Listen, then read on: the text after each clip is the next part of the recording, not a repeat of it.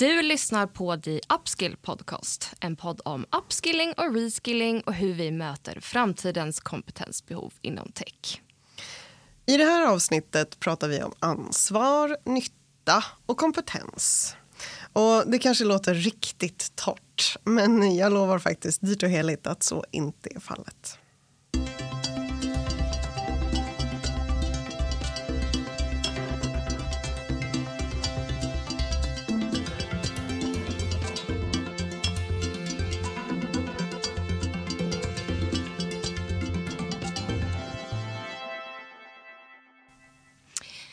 Hej och välkommen till The Upskill Podcast.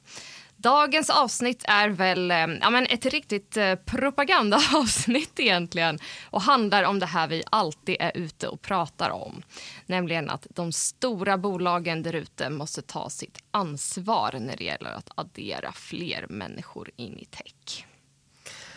Och vi som gör den här podden är jag, Louise och Emma som eh, båda jobbar på The Upskill Company där vi hjälper bolag med att bygga sin egen kompetens. Och genom just det här, att rekrytera och utbilda fler personer till tjänster och roller där det saknas folk. Mm.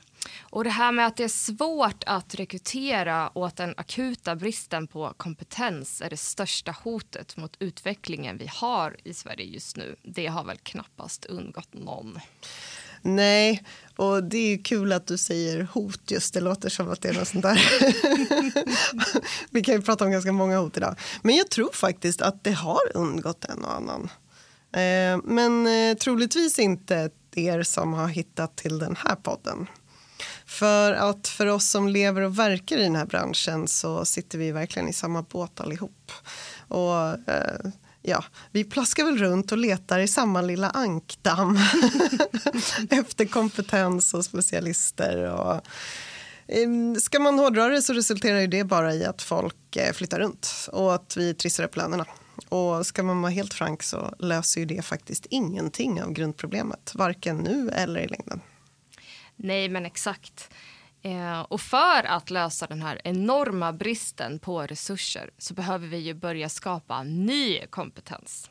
Inte hålla på och stjäla folk av varandra som du är inne på Louise. Och visst, det är ofta lättare att ta in en erfaren kandidat och kräver mindre ansträngning än att anställa någon grön. Eh, men om alla tänker så så kommer vi aldrig få bot på, på det här problemet. Eh, man kan ju inte förvänta sig att andra ska lära upp juniorer som man sen själv bara kan roffa åt sig.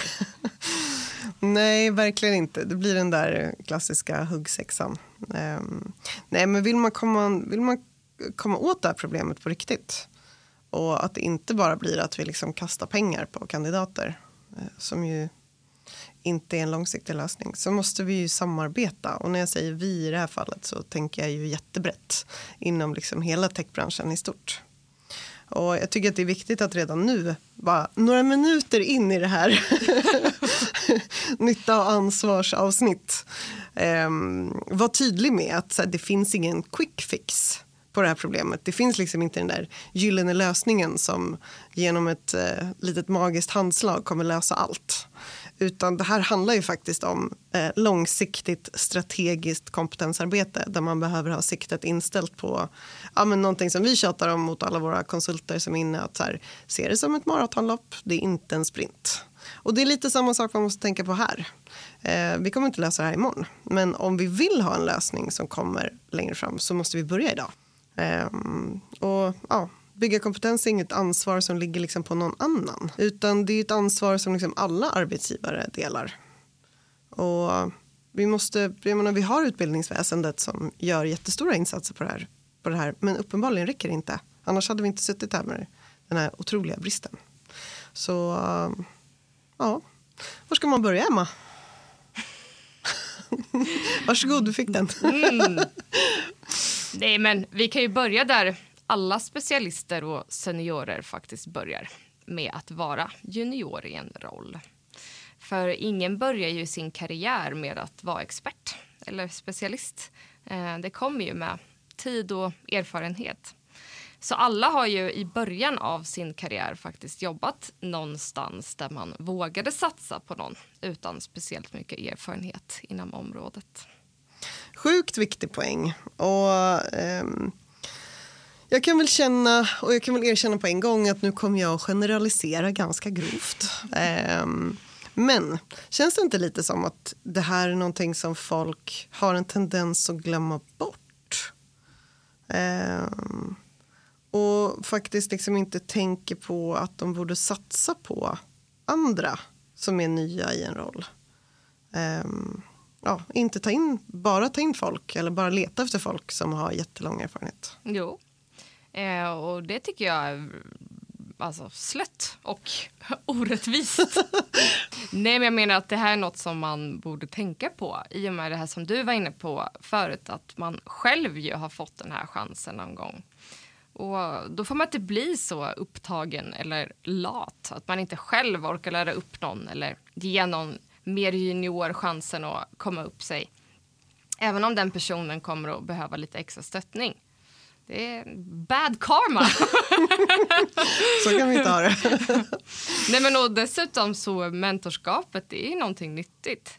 Eh, juniorer ställer ju massa bra frågor som leder till bra diskussioner och kan vara utvecklande även för mentorn. Um, ja, nej, men jag varnade för att det här skulle bli ett propagandaavsnitt. Ja, men det är ju eh, precis så. Så mycket av de här frågorna hamnar ju i kärnan liksom av, av mycket av det som vi springer på på olika sätt. Och jag tycker att det där du är inne på är helt rätt. Um, man ska inte glömma bort att juniorer faktiskt kan tillföra mycket värde om de ges rätt möjligheter. Människor som är nya i en bransch eller en organisation har ju liksom inte det här tunnelseendet eller den här hemmablindheten som man får när man varit där ett tag.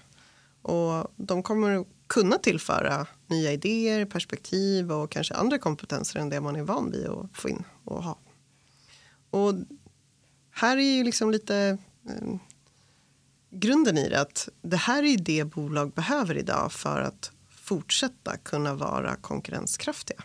Mm, definitivt. Ehm, och juniorer kommer att vara ja, 110 procent motiverade och lära sig allt det där nya. Eh, som jag menar i, i de här tiderna då allting förändras så himla snabbt är det som verkligen betyder någonting. Ja, precis. Och det här har vi pratat om i tidigare avsnitt också. Men eh, värt att påminna om att det är farligt att stirra sig blind på erfarenhet och vad någon kan idag. Alltså meriter. För precis som du sa Emma så utvecklas saker och ting så fort idag så system och teknik som vi använder kan ändå se helt annorlunda ut om, inom kort kort överskådlig tid. Vi pratar liksom inte om 15 år, vi kanske pratar om 10 år. Och att anställa någon då med 10 års erfarenhet eller någon som är sjukt sugen på att lära sig allt det som kommer. Det kanske inte spelar sig jättestor roll. Inte heller då när man har perspektivet de där tre åren. Nej, Eh, och jag menar särskilt inte om man tar med i beräkningen att man kan vara sjukt mycket mer kräsen med vilka personer det är man tar in när man anställer juniorer eftersom den kandidatpoolen är mycket större. Och som chef så skulle jag hellre investera i en junior utvecklare som är villig att lära sig och har de egenskaper som krävs än någon med rätt erfarenhet eh, som har fel inställning. Ja, den är ju den kan väl ändå ganska många eh, säga ja till. Men eh, sen är det klart, man kommer alltid springa på de här som säger att jo, men ska jag ha en systemarkitekt eller ska jag liksom ha den här och den här rollen? Ja, absolut, men du kommer aldrig behöva, det kommer inte vara bulkmängden folk man behöver, kommer inte vara systemarkitekter. Det gäller ju liksom just ifrågasätta lite att så här, vilka är det du behöver egentligen? Men jag tycker att i, i, samband med det så också värt att grotta lite i att så här, vad menar vi egentligen när vi säger juniorer? Det är ju lätt, i alla fall för min egen del, när jag hör junior och tänka på en fjunig nyexad som knappt är torr bakom öronen. Men så måste det inte vara. Nej, verkligen inte. Eh, när vi pratar juniorer här så eh, är det ju viktigt att poängtera att det är en person som är junior i sin roll. Personen bakom rollen kan ju vara erfaren i en massa andra roller och ja, men ha sjukt mycket kunskap som snabbt går att applicera i den här nya rollen. Ja, exakt. Och inte bara kunskaper, eh, alltså erfarenheter eller liksom vad man nu kallar det. Utan kanske framförallt perspektiv. Det är någonting som vi ser med de människorna som vi plockar in. Att med allting de har gjort tidigare som kan vara liksom något helt annat än det de ska jobba med idag så kommer de med perspektiv. Att det är så här, varför tänker man på det här sättet? Varför har man liksom gjort på det här sättet? Borde man inte kunna fundera på de här aspekterna? Och jag tänker också liksom lite bredare. Det är någonstans perspektiven man tar med sig in i en ny roll som gör att man har lättare för att etablera sig. Um, för att sakkunskaper och liksom kunna lära sig en ny yrkesroll, ja det är en sak, men du jobbar ju alltid i en kontext. I liksom ett professionellt sammanhang. Där finns det ju så himla mycket saker som man behöver tänka på eller förhålla sig till och så vidare. Mm, verkligen. Och en fördel som jag också ser med juniorer är att de inte är lika rädda för att ta risker och kanske just prova nya saker på ett annat sätt än vad mer seniora personer har. Och jag tror att, jag ser väl på mig själv också, man behöver inte vända sig så himla långt bort från det. Att när man är mer etablerad i sin roll, man kanske till och med har nått liksom lite högre upp i hierarkin om man nu jobbar på sånt ställe. Ehm, då är man också kanske lite mer rädd för att misslyckas. För man vill inte stå där och eh, erkänna kanske att man inte kunde eller att man inte kan allt eller att man gjorde fel eller att man ja, gjorde någonting dåligt. Så medan en junior har ju ofta liksom, där räknar man ju typ med att folk ska göra fel. Eh, så man har ju lite större eh, utrymme att faktiskt testa och chansa och riska. Och idag pratar ju alla om att här, dare to fail och man ska ha en psychological safety där man ska vara tillåtande misslyckas och jag tycker att alla sådana initiativ är sjukt viktiga. Men de blir ju aldrig bättre än vad de blir genomförda. Så sorry, nu hamnade jag lite på ett sidospår som vanligt. Men älskar dina sidospår. men, ehm, ja, men nu är du inne på det här med, med lärandekultur, Louise. Mm. Um, och jag menar, att ta in juniorer, det, det kan ju vara ett bra sätt att börja bygga en lärandekultur. Eh, och med en sån så kommer du också ha lättare att behålla dina skickligaste och ha lättare att rekrytera etablerad spetskompetens.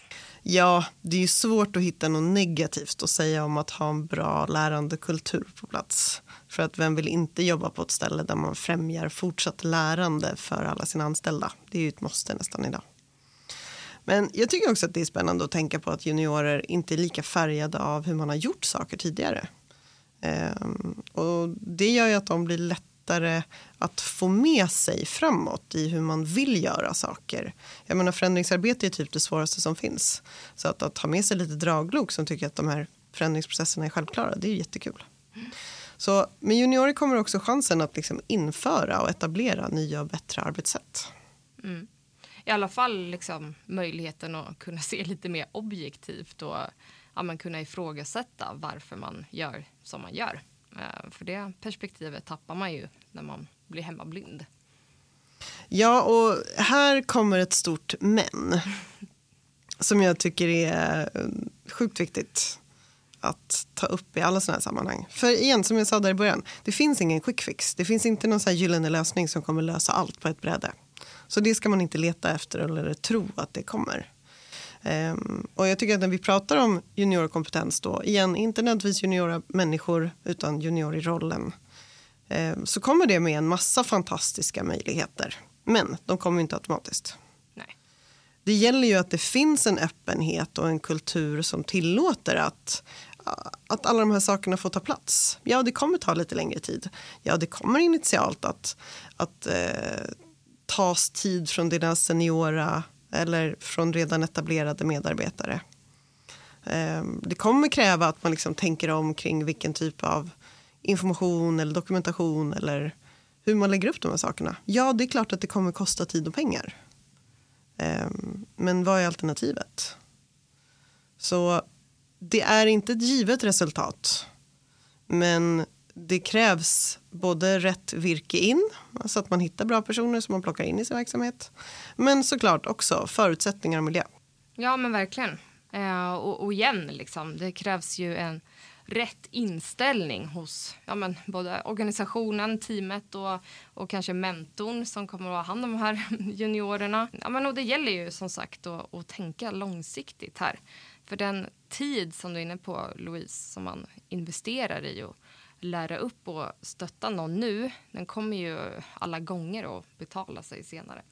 Ja, och men det är väl bara att se till sig själv. Har man en gång varit någonstans, speciellt kanske när man var lite mer färsk, där man blev väl omhändertagen.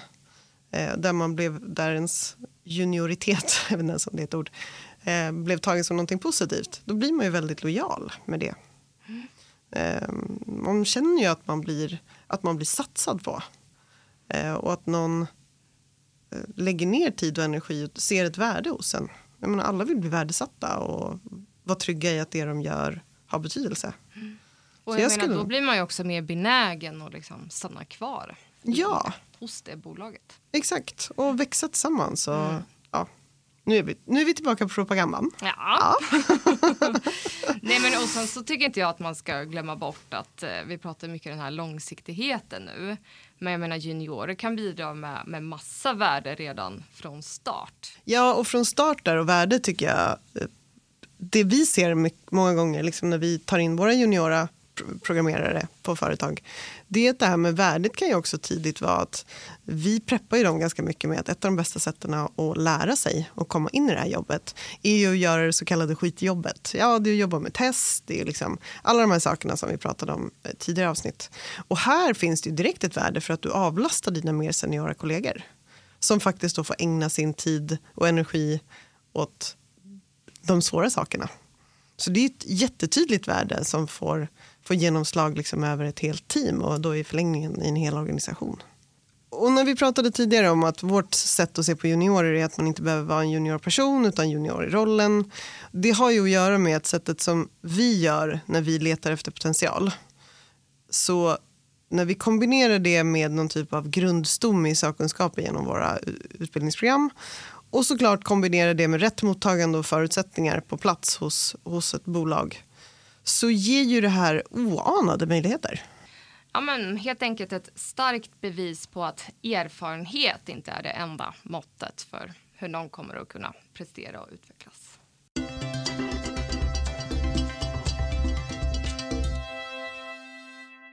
Så för att lösa den här enorma bristen på techkompetens måste vi helt enkelt samarbeta för att se till att få in fler människor i branschen. Ja, och för att få fler att göra det så behöver vi bli bättre på att se värdet av att ta in juniorer, både på lång och kort sikt. Mm. Och se till att ge dem rätt förutsättningar för att lyckas och fortsätta lära sig. Stort tack till dig som har lyssnat på det här avsnittet av The Upskill Podcast. Och fortsätt gärna diskussionen med oss. Vi finns på LinkedIn. Tack och hej! Tack och hej!